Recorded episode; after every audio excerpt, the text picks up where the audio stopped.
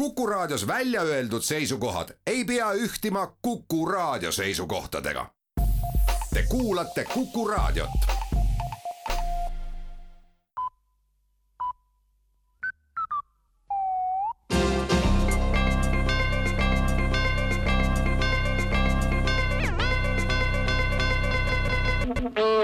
tere kuulajatele, uudistega eetris Rohke Debelak rahandusministeeriumi analüüside kohaselt tuleb Hiiumaa lähedusse kavandatud tuulepark rajada saarest oluliselt kaugemale. kavandatud muudatus teeb mere sügavuse tõttu tuulepargist siis ka maailma esimese veepargi, mille kõik tuulikud on vee all ja nende labasid liigutavad erinevad merehoovused. nii ei ole tuulikuid näha, toodangut aga tuleb sellele vaatamata, märgib rahandusministeerium analüüsis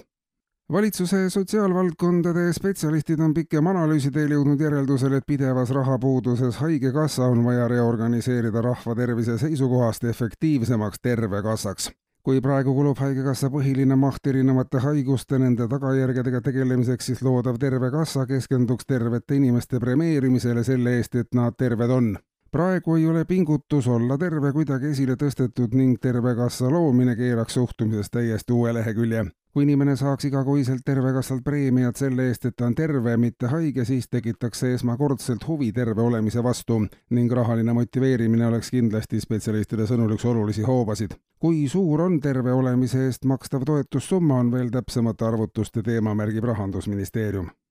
ja veel tervisest. liigse alkoholi tarvitamise vähendamise kõrval on Töö- ja Terviseministeeriumil plaanis järgmisena keskenduda veelgi laiemale probleemile ja kehtestada täiendav maks ja vähendada reklaami järgmistel toodetel. saed, höövlid, kirved, labidad, akutrellid, laua- ja sülearvutid, nutitelefonid ja muu sarnane, sest ennast surnuks töötavate inimeste hulk riigis on märkimisväärne tööpäevade kõrval töötatakse ka öösiti ja puhkepäeviti, suurem osa riigis elavaid lapsi kasvab oludes, kus üks või mõlemad vanemad on kogu aeg tööl või koju jõudes kontaktivõimetud. vähestel vabadel hetkedel sõprade ja sugulaste seltsis hakatakse kohe jälle rääkima tööst ja töö tegemisest, on saanud sotsiaalne norm, ilma milleta ei kujutatagi enam elu ette ja veel annab valitsus teada, et on otsustanud ülereguleerimise vastu võitlema hakata ja loomisel on regulatsiooniministeerium. uue ministeeriumi ülesandeks on jälgida kõikvõimalikke regulatsioone ja hoolitseda, et neid üleliia palju ei oleks esimeses järjekorras töötatakse välja vastav regulatsioon, mille alusel regulatsioone hinnata ja otsustada, kas ühte või teist regulatsiooni vaja või mitte regulatsiooniministeeriumi tulemuslik töö peaks aitama kaasa avalikus sektoris töötavate ametnike vähendamisele, kes saavad koondamise järel tööle asuda regulatsiooniministeeriumis, et senisest veelgi tulemuslikumalt ametnike arvu kontrolli all hoida esialgu vajab uus ministeerium vähemalt tuhandet kahtesadat ametnikku, et kõikide ametnike ja nende ülesanneteks olevate regulatsioonidega hakkama saada. Kuulsite uudiseid